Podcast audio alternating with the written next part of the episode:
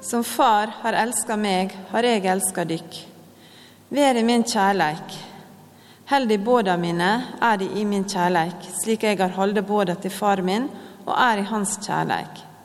Dette har jeg tala til dykk, så mi glede kan være i dykk, og gleda dykkar kan bli fullkommen. Og dette er bådet mitt, de skal elske hverandre som jeg har elska dykk. Slik lyder det hellige evangeliet. Eh, Johannesevangeliet, som teksten vår er henta fra det 12. kapitlet, eller 15. kapitlet, det starter med likning om vintreet. Og eh, et av de store poeng der er at Jesus sier at han er vintreet og vi er greinene. Og at vi ikke kan bære frukt uten at vi er i Han. Jeg syns eh, denne teksten som vi hørte nå, videre fra Johannes 15, det er fra vers 9, er en fantastisk tekst. Vi blir invitert til å bo i Kristi kjærleik. Og hvis vi bor der i Kristi kjærleik, så ser vi at Jesus bor i Guds kjærleik. Og da er vi forena i fellesskapet med den treenige Gud. Er det noen som kan tenke seg en bedre plass å være enn i den treenige Gud? Men det er en betingelse for å være der. Jesus sier, 'Held båda mine, er det min kjærleik.' Slik jeg har holdt båda til far min og er i hans kjærleik. Og når det gjelder Jesus sine båd, så er der både lov og evangelium. Nå er det jo slik at mange tenker at lova, det er krav.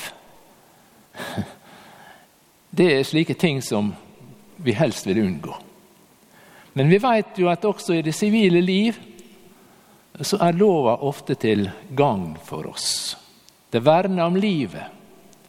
Slik som for eksempel fartsreglene eller, eller det som har med å kjøre bil, ikke sant.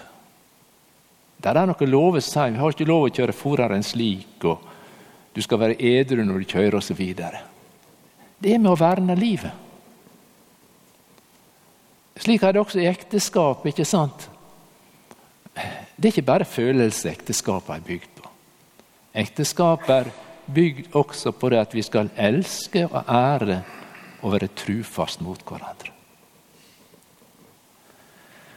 Og Slik er det i Guds rike, at vi har noen lover som vi skal holde, som er en betingelse for å være i Kristi kjærleik.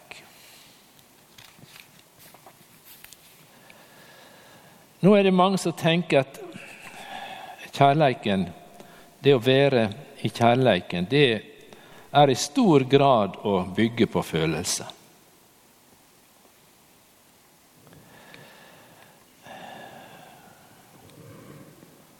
Og eh, det er vel et problem i dag at det er så mange som ønsker å leve etter slik som behager en. Slik som en føler er godt for seg. Og Det er ofte slik at kjærleiken vår den gir et gjensvar hvis det er noen som er god mot oss. ikke sant? Eller noe som vi opplever positivt eller godt.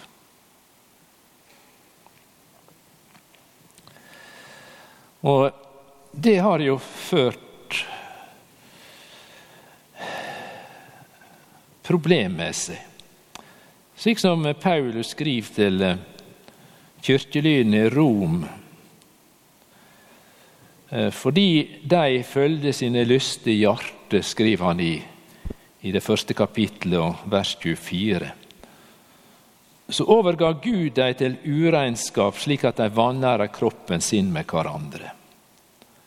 Og de bytte da bort Guds sanning med løgn, og dyrka og æra det skapte i stedet for Skaperen, Han som er velsigna i all eve. Og så ble de overgitt, står det, til skammelige lyster. Og, og dette var nok ikke bare i Rom de strei med.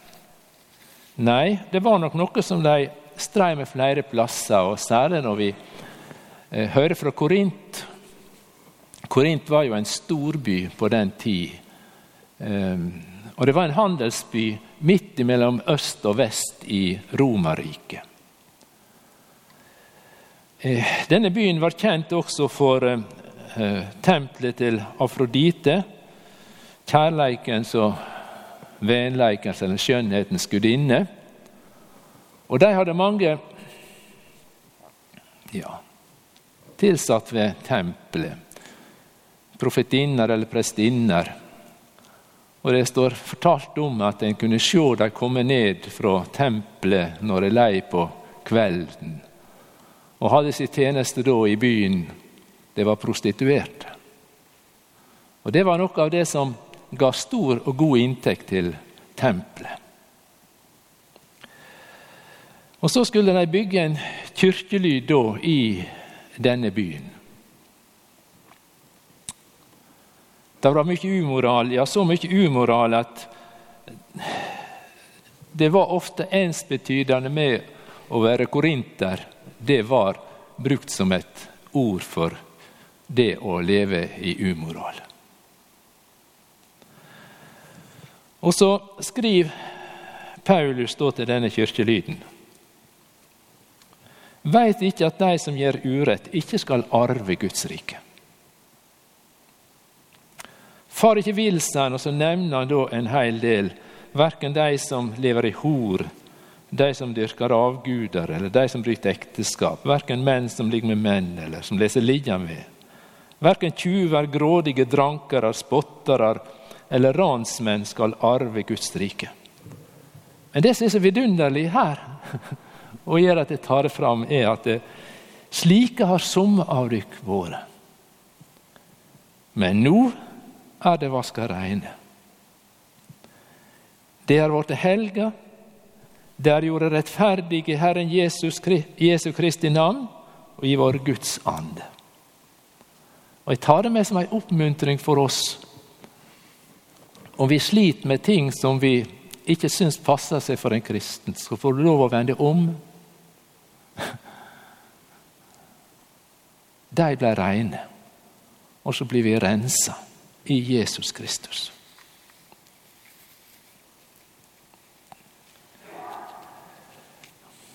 Helde båda mine, sier Jesus, er det min kjærleik i Jesus Kristus slik jeg har halde båda til far min og er i hans kjærleik. Og Hvis vi ser på Jesus som kom til jord, sendt av Gud Vi kjenner jo den vesle Bibelen som sier at for så elsker Gud været at han sender sønnen sin den enbårne. Så hver den som tror på Han, ikke skal gå fortapt, men ha evig liv. Da kan vi nå tenke bl.a. på Getsemane. Der får vi et inntrykk av hva dette koster Jesus. Jeg husker der at han kasta seg på jorda, og så ba han denne bønna tre ganger. Far, er det råd? La denne kalken bli tatt fra meg. Men ikke som jeg vil, bare som du vil. Det koster virkelig Jesus, dette å være i Jesus, Guds kjærlighet.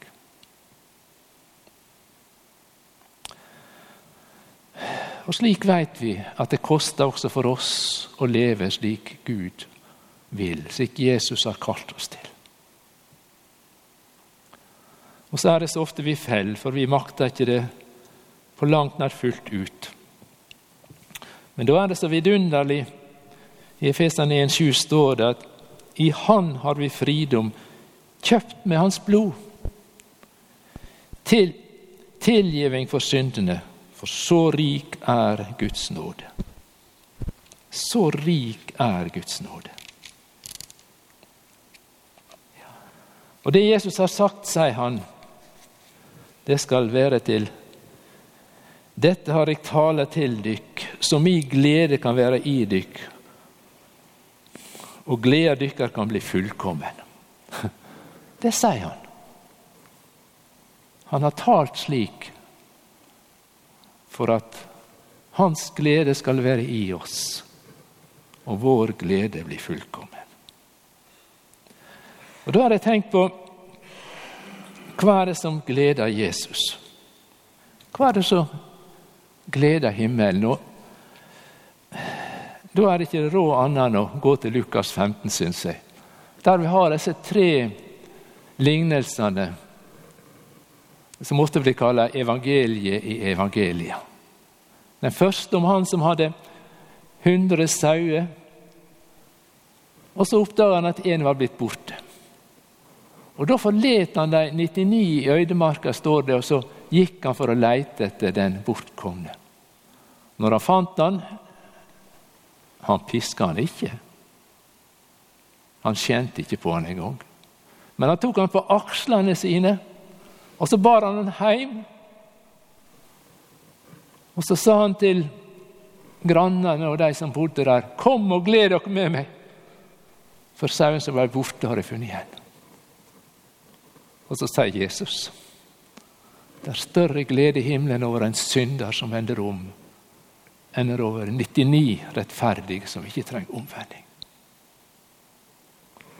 Og Den andre ligninga der er om ei kvinne som hadde ti sølvpenger, og så mista den ene.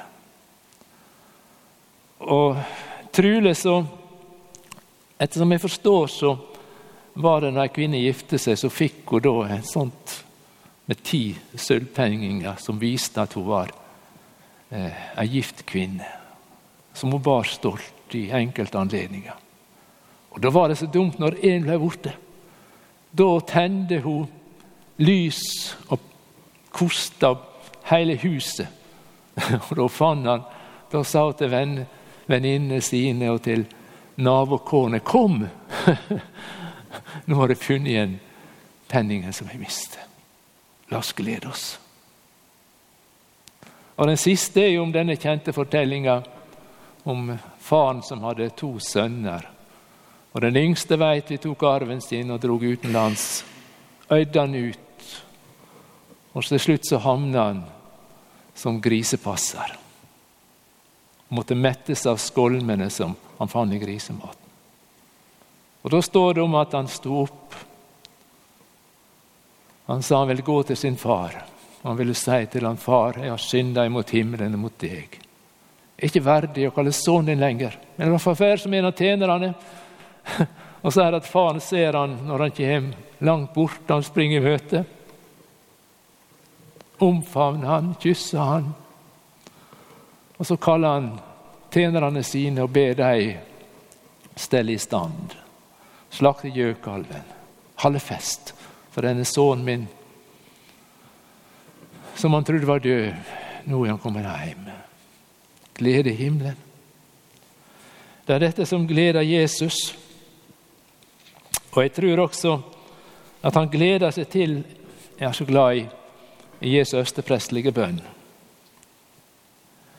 I, som står i Johannes 17, der det står blant annet at Jesus sier, 'Jeg har åpenbæra ditt navn for de mennesker du ga meg fra verden.'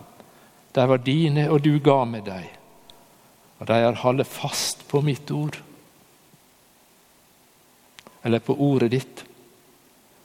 For jeg vil at de du har gitt meg, skal være hos meg der jeg er, så de får se min herligdom som du ga meg før verden ble grunnlagt. Jeg føler litt at Jesus gleder seg til å ta med seg dem han har vunnet, og vise dem Guds herligdom, den herligdom som han hadde før verden var grunnlagd. Rettferdige Far, verden kjenner jeg ikke, men jeg kjenner deg, og disse veit at det er du som har sendt meg. Jeg har kunngjort navnet ditt for deg og skal kunne gjøre det. Så den kjærleiken du har til meg, kan være i deg, og jeg sjøl være i deg. Jeg syns det er fantastisk. Dette er det Jesus ønsker å vise oss en dag. Sin helligdom. tas oss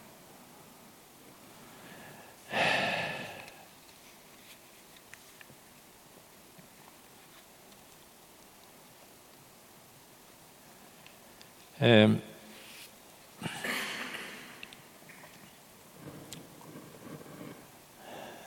Når Jesus kan gjøre det der,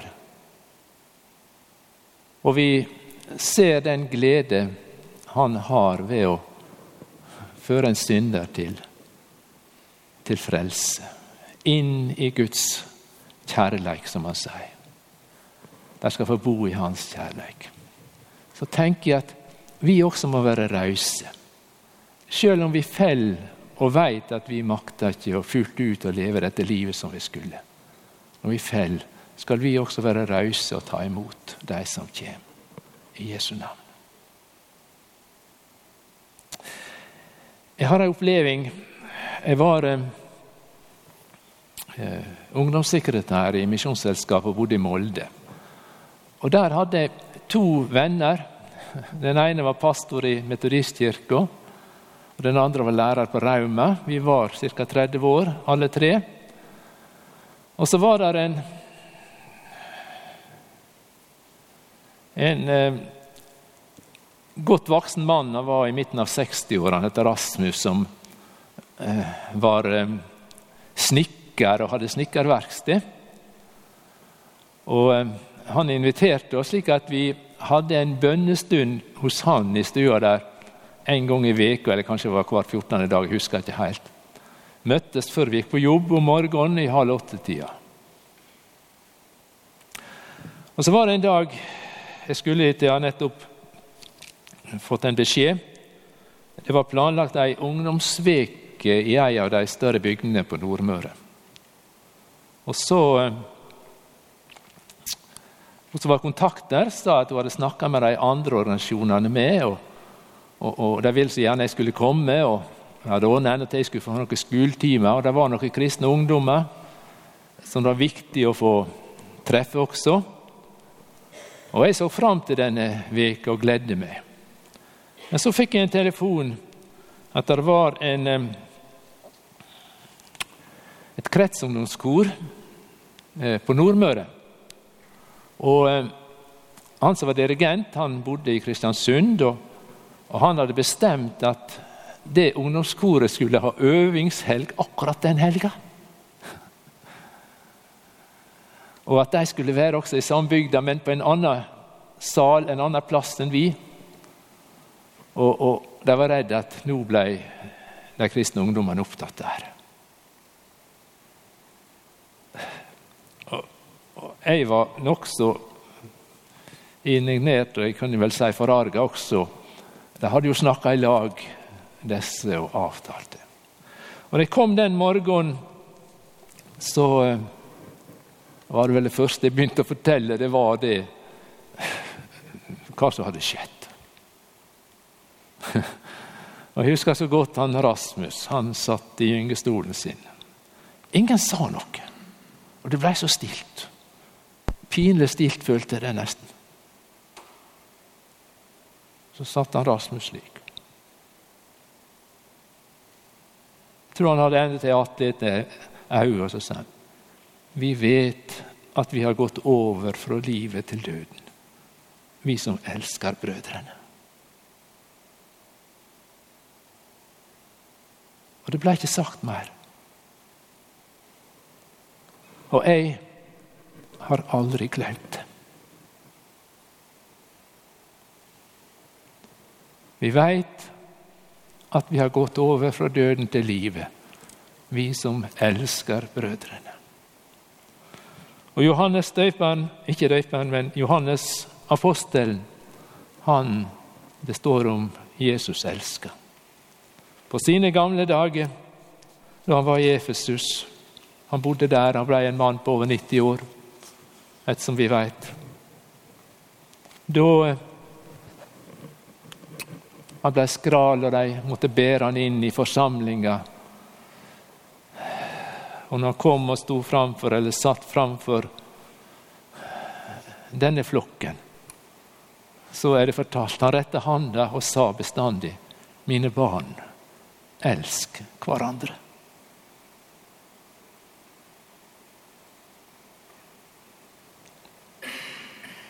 Vi er elska av Jesus. Vi er invitert inn i fellesskapet med Han. Og vi skal elske også de som er sammen med oss der. Og være rause overfor hverandre. Herre, jeg har lyst til å takke deg for din uendelige kjærlighet. Du døde for oss. Og jeg takker deg for det livet vi eier i trua på deg. Hjelp oss å leve til ære for deg og til gagn for ditt rike. Amen.